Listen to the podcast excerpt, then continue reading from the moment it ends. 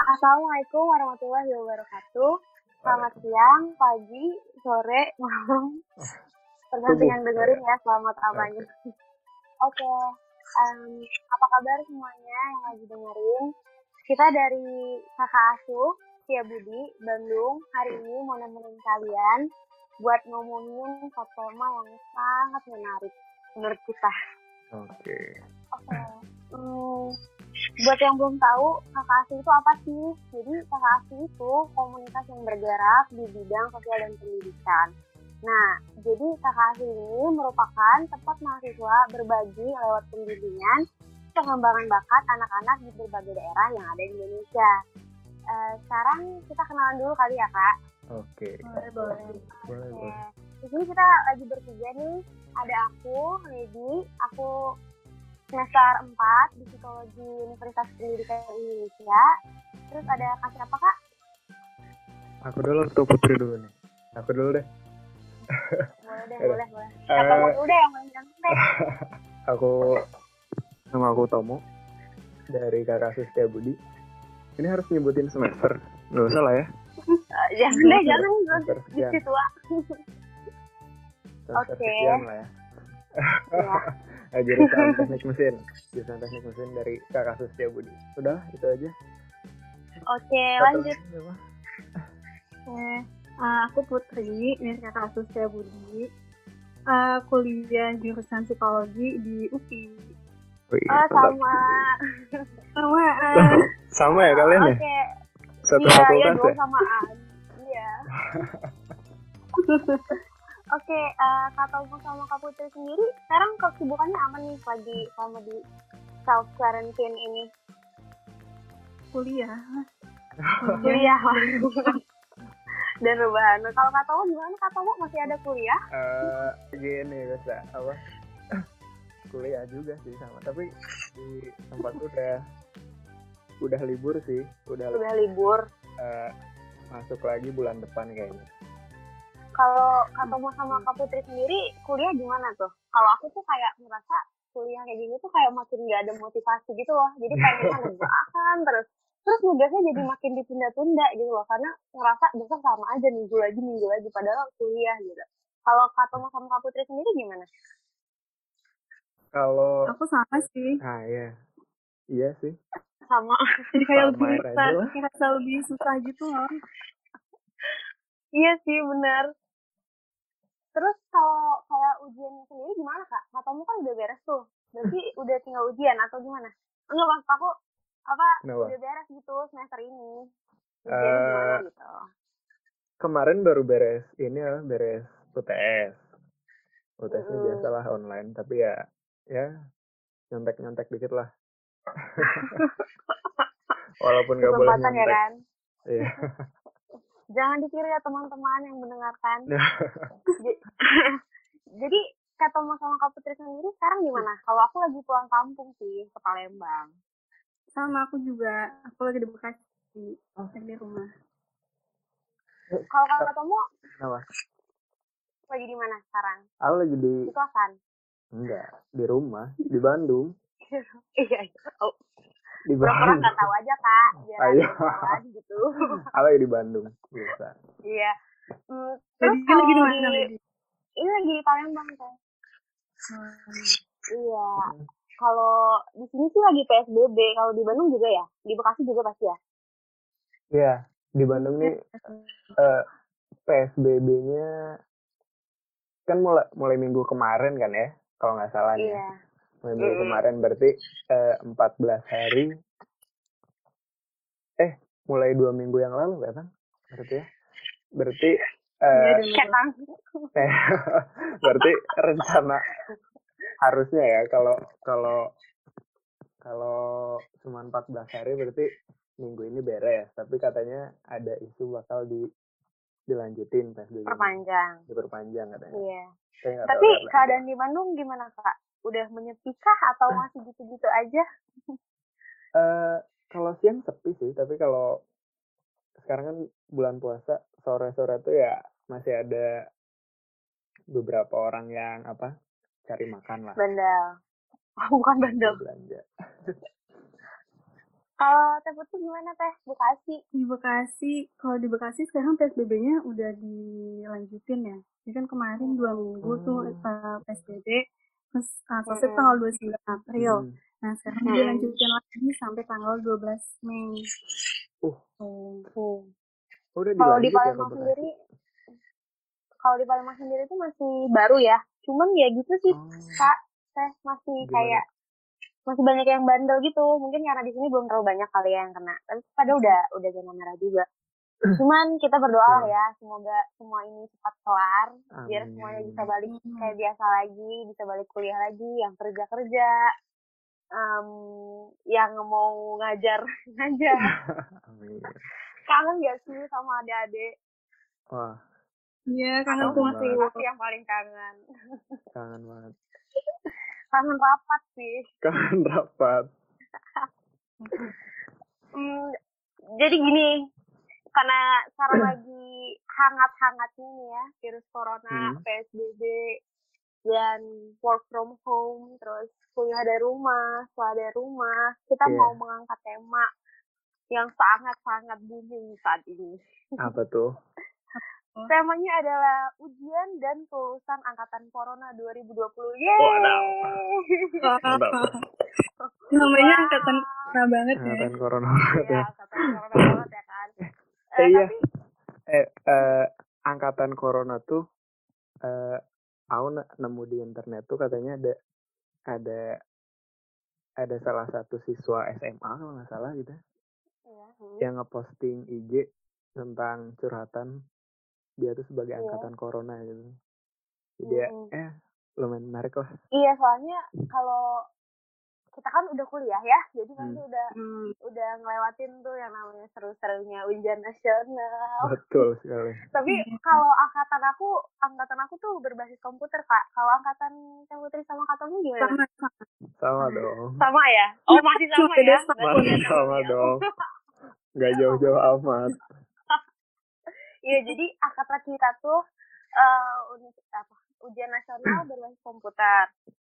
Eh, itu biasanya empat hari ya kak ya sama sih kayak yang biasa cuman Mm-mm. kayak ada sesi-sesinya gitu kan Iya. terus biasanya tuh pa- kalau bukan angkatan corona tuh bulan-bulan kayak gini tuh lagi sibuk perpisahan gitu-gitu kan terus Iya. pada lagi nungguin pengumuman mm, SNMPTN tapi Iya, betul betul. karena lagi pandemi kayak gini kan teman-teman jadi yang mau perpisahan dibatalin ya gitu-gitu.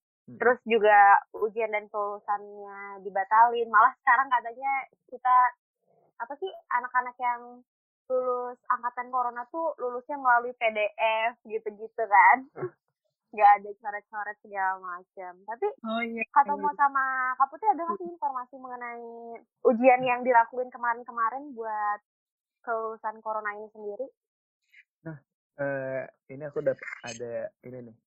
Ada informasi dari Kompas Mm-mm. berita tentang ujian dan kelulusan tahun 2020. Ini tuh karena kebijakannya tuh UN bakal di digantikan di 2021, bener gak sih? Iya. Di 2021, tapi karena situasinya seperti ini, kebijakan Mhm. tersebut dilaksanakan lebih cepat gitu. Iya. Jadi ini ka- kata Pak Menteri gitu ya, Pak, Pak Menteri Nadiem, ujian sekolah bisa dilakukan dan tak boleh tatap muka. Itu alasannya tuh katanya karena ujian nasional itu pasti mengumpulkan anak-anak tuh kan. Nah katanya ujian tahun ini tidak dilakukan secara tatap muka karena mengumpulkan anak dan itu sangat beresiko tinggi dengan penyebaran virus corona. Kalau nggak salah, ujian nasional tuh sempat dilaksanakan oleh jenjang SMK duluan. Jadi Iya. anak SMK tuh katanya menjalankan ujian nasional duluan gitu sebelum kebijakan kebijakan yang baru tuh ditentukan pada saat corona ini semakin menyebar luas akhirnya ujian nasional tuh di- dibatalin dan ujian nasional tuh apa digantikan dengan ujian sekolah yang diselenggarakan oleh sekolah tuh katanya nih ya ada berupa portofolio, penugasan, tes tertulis, atau bentuk kegiatan lain yang ditetapkan oleh eh, satuan pendidikan sesuai dengan kompetensi yang diukur berdasarkan standar nasional pendidikan. Kayak gitu sih tentang ujiannya. Eh, kalau tentang kelulusannya gimana? Kalau dari info yang aku dapat sih, lulusan SD, SMP, SMA, sama SMK tuh beda-beda gitu loh, Kak. Jadi?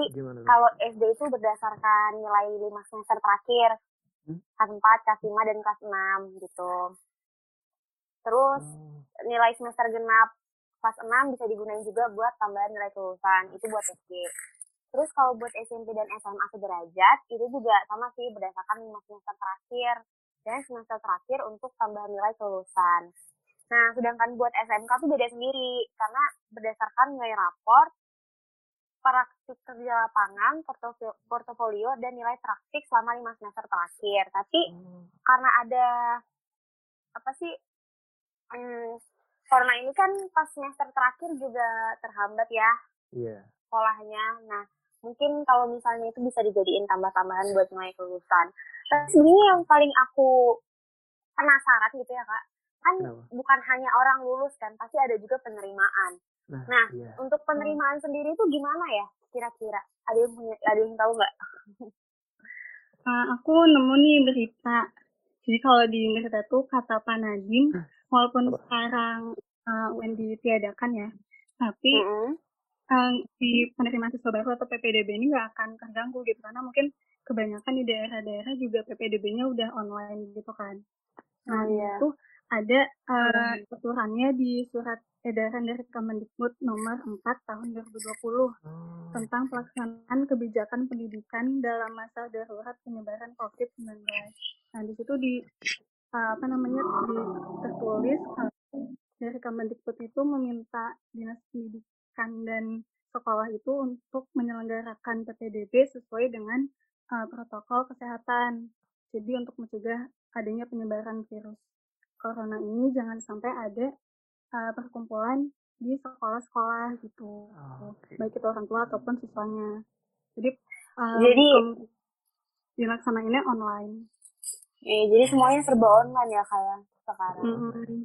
Tapi tapi kayaknya menarik deh kak. Kalau kita kalau kita kan cuma orang luar ya, kita nggak Iya. ngerasain kelulusan, kita nggak Iya. ngerasain Kita yang namanya ujian segala macam untuk penerimaan dan kelulusan. Kayak menarik kalau kita mengundang seorang bintang tamu yang Nah. sangat spesial pada hari Boleh, ini untuk Siapa membica- tuh? membicarakan mengenai apa yang sedang terjadi di dunia pendidikan saat ini. Oke. Siapa tuh orangnya? Ayo nih. kita undang langsung aja kali Ya, ya. jadi, Ya, tepuk tangan dong. ya aku ini udah sama. udah sama bilang tamunya nih sekarang. Oke. Jadi kayaknya um, beliau bisa membantu memberikan kita Hmm. gambaran tentang keadaan di sekolah kayak gimana gitu ya. Boleh. Oke, saja kenalan membantu. dulu deh. Oke. oke. Boleh. Ini aku lagi sama siapa sekarang? Assalamualaikum. Waalaikumsalam Waalaikumsalam. warahmatullahi wabarakatuh. Apa bu namanya? Eh, saya kebetulan ibunya Putri. Oh. Profesi saya sebagai guru di. SMP. Ya. Namanya Ibu Iya, namanya Ibu Ruslina. Oke. Iya, Ibu. Ibu apa kabar, Bu? Baik, alhamdulillah baik. Ya jadi aku Gimana? soalnya ibu aku tuh ini kan kepala sekolah di SMP negeri di Bekasi gitu. Jadi kayaknya Iya. cocok banget nih buat kita tanya-tanyain soal pembahasan kita kali ini. Iya, langsung aja kali ya, Keteh. Langsung aja kali ya. Ya boleh boleh. Boleh. Oke. Sebelumnya mungkin aku mau tanya dulu nih sama ibu. Tanggapan ibu mengenai kan sekarang uh, ujian nasional tuh ditiadakannya uh, tahun ini. Iya. Hmm. Uh, yang sebelumnya tuh rencananya nggak ada. Dari ibu gimana? Karena kan uh, apa namanya Pasti banyak perubahan dalam Keputusannya- sistem penilaian gitu kan untuk Juga mendadak. kelulusan. Iya. Mendadak. Mm-mm. oh, nah, ibu sebagai kepala sekolah Untuk program ujian sekolah dan ujian nasional. Kebetulan memang kita baru melaksanakan kegiatan penilaian tengah semester dan kita belum tahu kalau ada kejadian atau uh, musibah seperti ini uh, tentang COVID-19. Oleh karena itu, salah satu uh, langkah yang kami lakukan yaitu uh, belajar di rumah melalui daring. Jadi siswa diharapkan untuk uh, um, belajar uh, melalui HP atau laptop yang mereka punya dibimbing oleh bapak ibu guru di, di rumah masing-masing. Ada yang melalui Zoom, ada yang melalui kelas meeting, uh, uh, medianya macam uh, banyak sekali. Mungkin ada yang juga dari ya, TV, televisi, atau radio itu sebagai sumber medianya.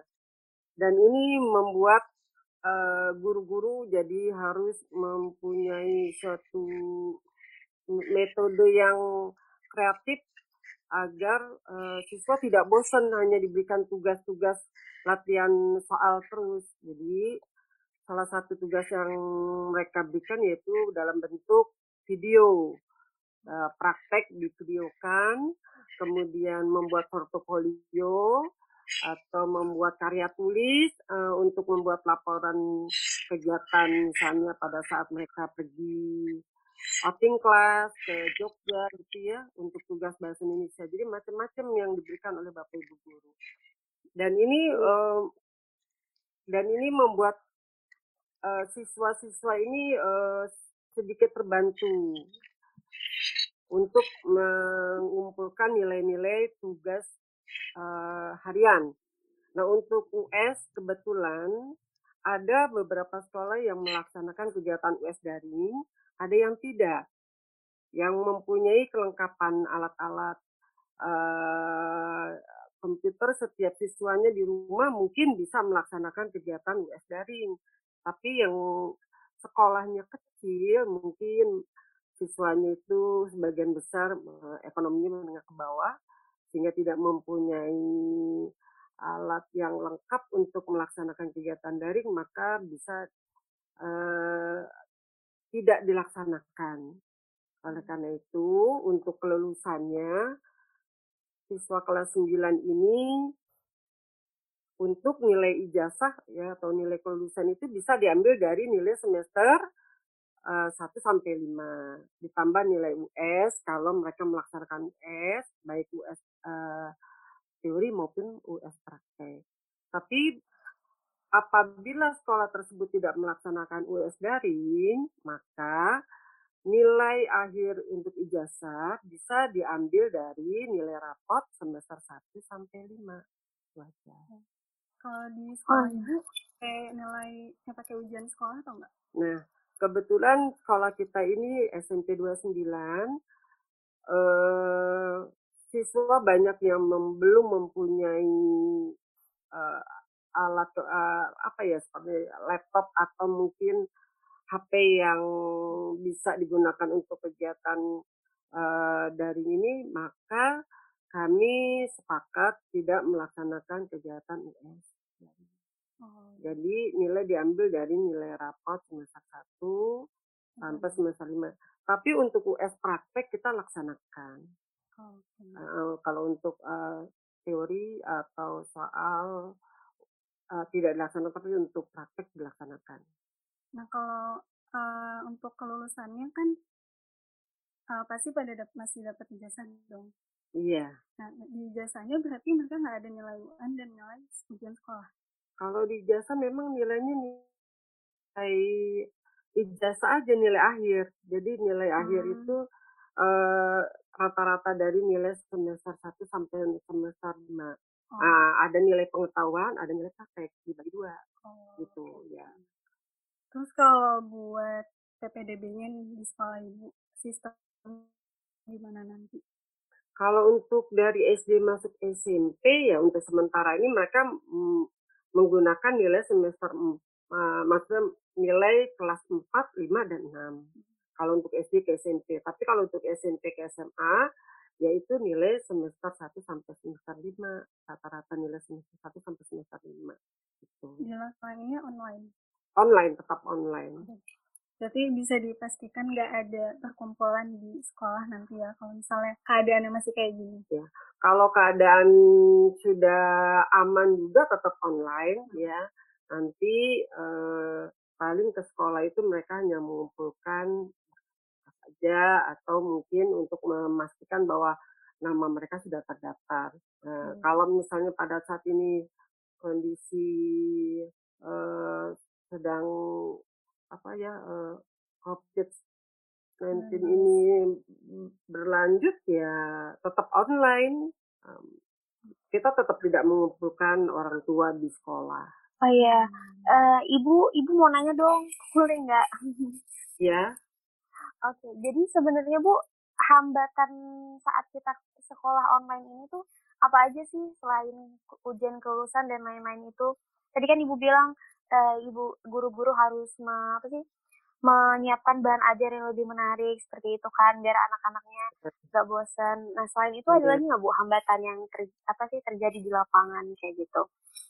Uh, anak-anak ini kan tetap belajar pakai jadwal. Uh, jadi dalam waktu, perpanjangan waktu untuk belajar di rumah itu dari tanggal 16 sampai tanggal 2, uh, 31 April mereka belajar semua mata pelajaran. Jadi sama seperti belajar di sekolah jadwalnya.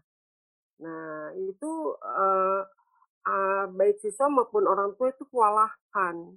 Karena tidak semua orang tua yang bisa membantu um, mengajarkan anaknya untuk um, menyelesaikan soal-soal yang atau tugas-tugas yang diberikan oleh guru. Nah, Kemudian pada tanggal 1 sampai dilanjutkan tanggal 1 sampai tanggal 14 Mei dibuatlah jadwal satu hari satu mata pelajaran. Nah, satu hari satu mata pelajaran ini guru-guru ingin anak-anak ini uh, tidak stres, jadi sedikit santai. Nah, macam-macam mereka ada yang misalnya seperti uh, pelajaran prakarya gitu ya. Uh, satu contohnya, anak disuruh membuat tugas uh, praktek. Misalnya mereka belajar membuat uh, pengolahan membuat kue-kue apa dessert misalnya ya, kue-kue misalnya ya. Jadi mereka di, dari mereka menyiapkan bahan, kemudian mengolah sampai proses memasaknya itu divideokan dan akhirnya nanti dinilai oleh guru. Nah, untuk daring ini uh, memang kita tidak menilai kualitas, yang dinilai hanya kuantitas. Kalau kualitas kan uh, misalnya siswa uh, mengerjakan tugas atau soal gitu ya, uh, bisa nyontek, hmm. bisa lihat dari buku, bisa lihat dari buku, bisa dari macam-macam lah. Tapi kalau yang namanya kuantitas itu Eh, seberapa rajinnya siswa mengerjakan itu aja. Jadi makin rajin anak itu mengumpulkan tugas, maka nilainya makin bagus seperti itu. Hmm. Jadi tidak dilihat lagi kualitas, tapi hanya kuantitas. Gitu. Iya, jadi sekarang bukan nilainya bu ya, niatnya dulu yang penting gitu ya. Iya, iya. Tapi, uh, tapi aku aku pribadi ada, ya. Iya. Mm -hmm.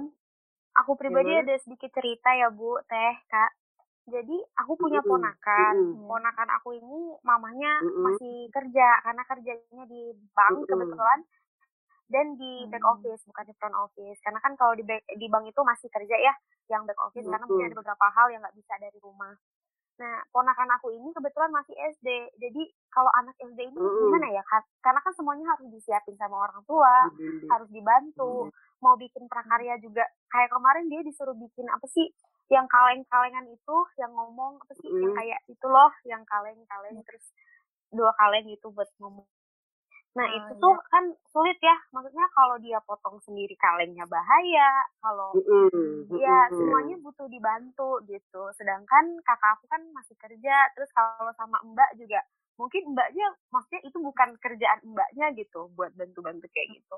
Jadi Eh, banyak banget sih yang kewalahan gitu bukan hanya guru bukan hanya murid tapi ya itu orang tuanya juga kewalahan dan yeah. akhirnya itu ponakan aku dititipin ke rumah jadi aku yang ngurusin gitu biar bisa bantu-bantu segala yeah. macam gitu kan Iya, soalnya kalau SMP, SMA itu mungkin udah sedikit gede ya, jadi udah bisa Iya. gitu kayak yang kayak prakarya-prakarya Sendiri. kayak gitu. Mm-mm. Mm-mm, Tapi aku lebih ke anak SD sih kan pada kasihan juga. Terus anak SD nggak pada punya HP masing-masing, jadi mungkin kontaknya juga Benar, lebih sulit kayak gitu. Ya kalau di SD itu memang perlu bimbingan orang tua, tidak bisa dilepas sendiri. Apalagi kalau misalnya nonton televisi, tugasnya, atau mendengarkan radio, itu harus bimbingan orang tua karena mereka nggak paham. Gitu ya. Jadi eh, banyak yang orang tua tuh mengeluh eh, dengan adanya belajar di rumah, banyak menyita waktu orang tua, terutama orang tua yang masih bekerja itu mungkin agak kewalahan eh, untuk mendampingi anaknya terus gitu ya mm, belajar di rumah.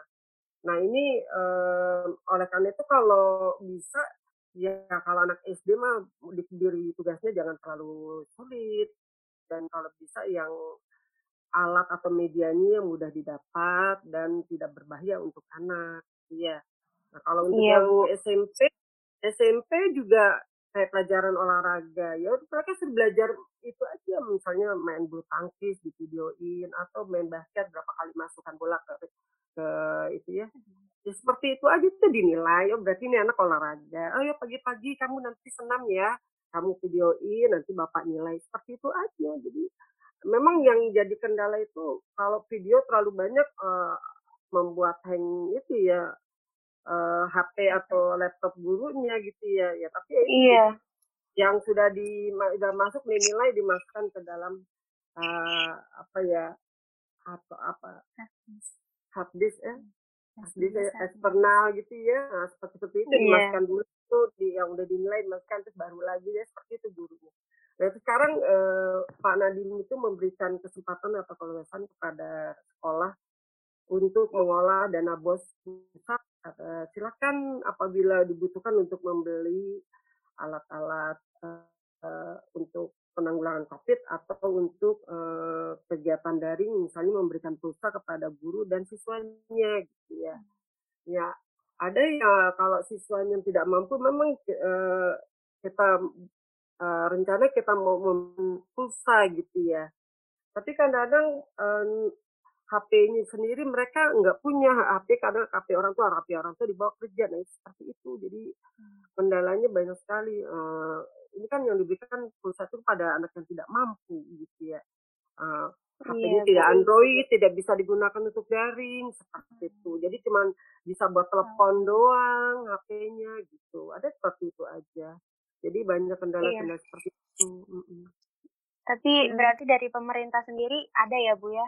Apa Ada wujud kebijakan. wujud, iya. Heeh. bantuan Iya. yang diberikan Bantuan, kayak gitu. iya. Alhamdulillah. Iya. Oke, Iya. katamu Aku mau nanya dong. Iya, Aku mau nanya. Iya, iya. Iya, Bu, kan kemarin tuh eh, tanggal 2 Mei itu Hari Pendidikan Nasional kan. Iya, iya. heeh.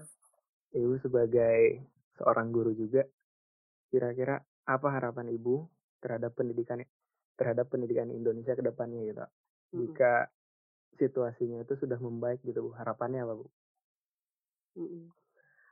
Ya, kami sebagai pendidik eh, menginginkan eh, kegiatan belajar mengajar pulih seperti semula, KBM di sekolah, eh, membuat anak menjadi lebih semangat ya, lebih semangat dan saya berharap siswa dengan adanya pandemi seperti ini jadi pelajaran buat mereka. Kalau mereka lagi belajar di sekolah, kepengennya libur terus ya. Dikasih Iya, tugas tidak mau, tidak dikerjakan. Dikasih tahu guru Iya, untuk Bu. eh, yang baik-baik eh, selalu ya tidak diindahkan. Nah sekarang kalau seperti ini mereka rata-rata kalau ketemu atau WA gurunya atau Pak saya pokoknya tobat nggak mau lagi. Saya maunya sekolah saja. Lebih enak di sekolah ketemu teman-teman, ketemu guru, gitu macam-macam. Eh, belajar lebih semangat di rumah diomelin terus sama orang tua. Ya. Nah itu jadi ada hikmahnya juga. Jadi di balik pandemi ini ada hikmah juga. Ya semoga nanti ke depannya itu siswa bisa belajar lebih rajin lagi, lebih Amin. semangat. Ya, dan mereka benar-benar tulus belajarnya ikhlas tidak di karena di di apa ya didorong oleh orang tua atau orang guru dimarahin itu baru belajar enggak tapi mereka memang tulus semangat sehingga uh, ilmu yang mereka terima benar-benar terserap di, baik di dalam hati mereka maupun di otak mereka dengan baik dan bisa diamalkan dengan baik bisa bermanfaat dan berguna untuk orang di sekitarnya gitu ya. Amin amin amin ya Allah ada tambahan ada tambahan terakhir sebelum uh. udahan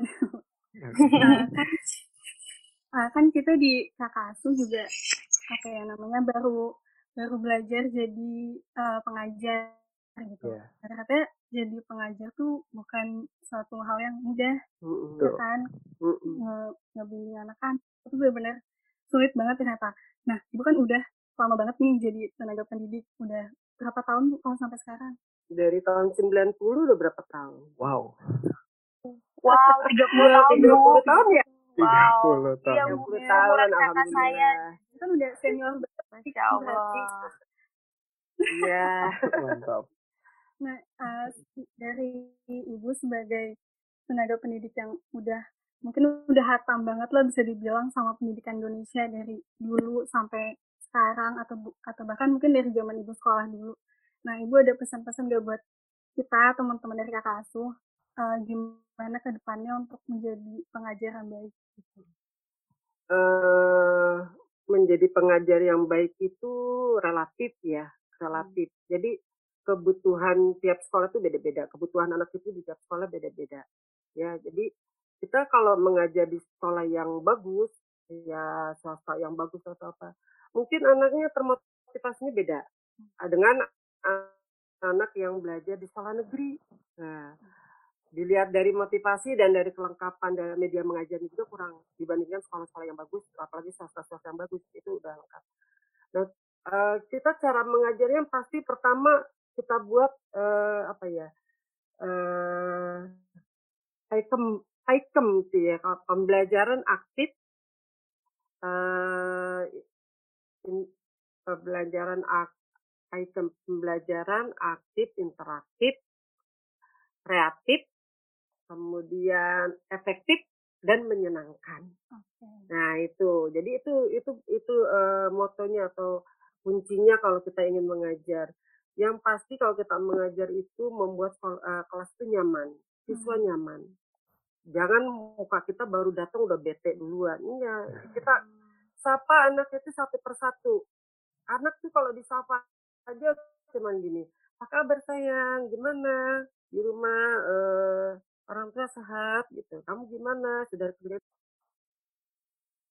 udah mulai langsung termotivasi anak yang tidak mampu misalnya nih kurang dalam akademik gini hmm. kamu kemarin basketnya juara ya bagus kalau gitu oh. coba ditingkatkan lagi gitu ya ah ini gimana kamu kemarin tem uh, ikut time area gitu jadi kita pendekatan ke anak itu sesuai dengan bakat anak itu malah lebih menyenangkan buat mereka gitu uh, itu baru kita baru masuk ke dalam pembelajaran pembelajaran itu ya efektif cuma 20 menit doang Oh. Kalau kita ingin ceramah, menggunakan ceramah atau membuat media misalnya pakai video, hmm. uh, gambar atau apa, itu cuma efektif 20 menit saja. Ke sananya kita harus interaktif. Kalau bisa siswa yang lebih banyak aktif dibandingkan gurunya. Gurunya hanya sebagai mediator aja, sebagai narasumber aja apa sebagai uh, fasilitator. Jadi hmm. yang aktif itu siswa. Jadi dia akan ingat terus sampai dia dewasa. Hmm. Kalau hanya kita berikan materi-materi materi, siswa mendengarkan se sebentar hilang. Ya, anak laki-laki dengan anak perempuan beda. Kalau anak laki-laki gurunya menerangkan, seminggu dia akan ingat terus. Kalau anak laki-laki itu daya ingatnya lebih lebih lama. Tapi kalau anak atau siswa perempuan sekarang dijelaskan, besok dia lupa. Maka itu anak perempuan kebanyakan rajin menulis, rajin me membuat gambar atau memberikan warna pada oh. pada buku atau pada bacaannya. Karena dia oh, itu untuk mengingat biar gampangnya. Tapi kalau laki-laki, walaupun dia nggak belajar, seminggu pasti masih ingat. Nah, itu. Iya. Jadi Baru tahu. memang Selama ini saya melakukan itu dan baru tahu Iya. sekarang. iya. Karena kalau perempuan senang warna-warni, jadi bukunya dikasih stabilo warna-warni itu untuk mengingat dia gitu. Nah, yang kalau di SMP itu memang kita lihat lebih dominan itu perempuan yang juara. Karena apa? Ah, Karena iya. dia rajin. Perempuan rajin. Laki-laki SMP itu lagi sedang mencari jati diri. Wah, apa aja diikutin aktif apa. Jadi untuk untuk belajar itu eh, ya yang yang yang kutu buku tetap nomor satu. Tapi yang punya apa bakat di bidang lain ya baca itu nomor dua gitu ya. Nah itu jadi beda-beda. Nah itu jadi kita kalau belajar itu untuk yang laki-laki sebaiknya harus rajin kita beri tugas, maju ke depan, bantu kita misalnya kita lagi menyiapkan alat-alat atau media mengajar, suruh bantu anak laki, dia lebih semangat, dianggap pahlawan. Nah, Oh, ini, ini bantuin nih guru nih. Jadi dia semangat. Jadi nah kalau misalnya kita mau ada anak kan yang bandel. Anak yang bandel itu yang harus rajin kita perhatikan, harus rajin kita suruh. Ya, jadi dia merasa dia dibutuhkan gitu. Iya, iya. Iya, Ya. Bu ya. Anak yang pintar itu kan buat motivasi. Nih yang pintar maju dulu. Dah, oh pintar kamu udah bagus ya. Eh, kasih nilai. Kasih nilai ini bisa apa? Bisa berupa eh, gambar, misalnya gambar bintang. Nih kamu pegang gambar bintang, nih kamu sudah bisa menjawab gambar bintang satu. Pegang, kalau sudah dapat lima nanti kamu bisa tukar dengan ni- nilainya ditambah dua. Begitu. Iya kan mm, sekarang itu lebih dominan nilai harian ya. Nilai harian itu lebih banyak, eh, lebih eh, kualitasnya lebih banyak dibandingkan nilai eh, ulangan tengah semester atau nilai akhir semester gitu. Oh iya. Memang. Jadi Jadi harus tetap menyenangkan ya, Bu ya. Iya betul. Tetap Iya, pokoknya benar. paikem itu inget ya. Pembelajaran Jadi- aktif, interaktif, efektif. Item teh, Kak. Item. Paikem, Paikem. paikem. Paikem. Iya, paikem. Paikem. Iya, kunci utama eh, kunci utama untuk jadi pendidik atau pengajar yang baik kita gunakan moto PAIKEM.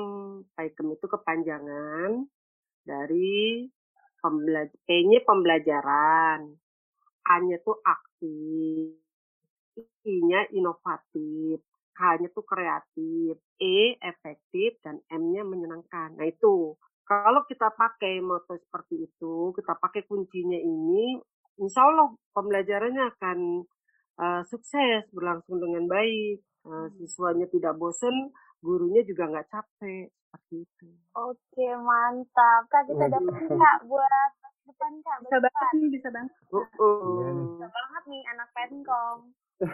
iya. Benar, benar. Oke. Jadi gimana guys? Tapi kalau untuk pembelajaran berdasarkan PAIKEM ini, medianya atau materinya atau apa tuh sehari sebelumnya harus sudah disiapkan semuanya. Oh. Kalau mau mau pakai video, videonya harus disiapkan. Semua kita harus siap. Jadi pada saat kita mengajar di kelas, kitanya sudah nyantai. Jadi yang banyak aktif itu justru siswa. Gitu. Iya, iya. iya. Uh, uh, uh, ini kalau kita mengajar, jangan lupa selalu memberi nilai. Oke. Selalu memberi nilai. Apa pun yang dia jawab, apa pun yang dia kerjakan, baik salah maupun betul harus kita beri nilai. Seperti itu. Itu reward Iya, untuk biar anak. Iya, Iya, jadi biar reward. anaknya tetap terus bersemangat ya, Bu ya. Iya, betul, betul. Ya apresiasi lah ya. Iya, iya. Iya, oke Ibu, Ibu terima kasih banyak Udah, udah sharing udah cukup. kita. Iya, banget ya. Terima, iya, terima Iya. kasih banyak udah Mantap. sharing sama kita. Semoga bermanfaat buat kita. Lagi mau ditanya? Eh, udah sih. Udah sih kayaknya Bu, soalnya kepanjangan nih nanti durasi. Iya. Tapi masih rame sih. Masih ramai sih. Kayaknya Ya, kita, jawabannya. perlu perlu ini Iya. part 2. Bu. Kalau ada. Ah, iya, iya, iya. Nanti boleh banget Bu ya kita part 2 kalau misalnya situ- situasi udah membaik Kalau kita ngobrolin hal-hal ya, yang lain kali ya. Amin, deh. amin. Oke, terima, Terima kasih. kasih Bu. Ya, sukses ya buat semua ya. Iya, oke. Terima Terima kasih. Bu. Ya, assalamualaikum. Um, Waalaikumsalam. warahmatullahi wabarakatuh. Gimana Oke. guys? Gimana guys? Wow, Wow. banyak banget ilmu yang kita dapat sih. Selain Banget dari sharing kita dapat ilmu banget buat nanti kita ngajar lagi setelah Iya, semuanya selesai. Jadi kita berdoa Boleh aja semoga dicatat ya Penkom. iya kita berdoa semoga semua ini cepat selesai. Amin. Biar Penkom bisa rapat dua kali seminggu lagi Ah. untuk pelajaran. bisa bisa. Oke. Eh, Jadi tadi tuh eh tadi tuh? Iya, eh, gimana Kak? Kita tuh nggak nggak cuman nggak cuman dapat informasi tapi kita tuh dapat ilmunya juga gitu Tips ya juga, iya benar banget, benar banget. Aku juga baru tahu loh.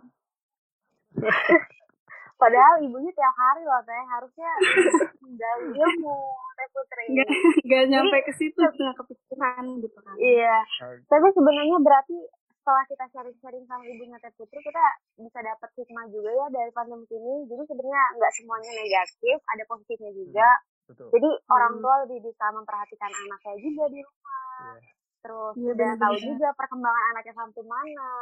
Mungkin yang nggak tahu anaknya gimana di sekolah sekarang udah tahu gitu Betul, kan betul. ya. Iya, jadi mungkin lebih ada kedekatan juga sama anaknya. Kalau menurut Teh Putri sama Katamu sendiri gimana? Apa aja kira-kira hikmah dari semua ini? menurut Putri gimana Put? Aku dulu. Iya kok kamu dulu Kalau Iya. dari kalau dari pandemi ini sih, nah, aku setuju sih sama Edi. Nah, mungkin kayak lebih apa ya? Aku juga lebih punya banyak waktu untuk kumpul di rumah gitu.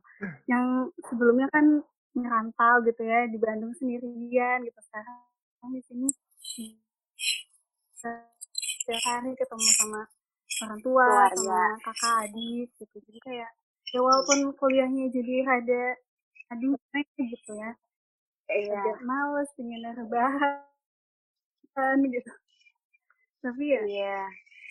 itu sih salah satunya yang yang menurut aku gitu kalau kamu Tetap gimana ada tetap ada yang bisa disyukuri ya, Kak ya? betul Iya. benar benar benar kalau kalau menurutku sih eh, situasi pandemi kayak gini tuh bisa bisa menjadi menjadi catatan sejarah gitu buat buat sistem pendidikan yang ada di Indonesia saat ini gitu. Karena eh, situasi ini tuh memaksa kita untuk berpikir lebih maju lagi ya nggak sih?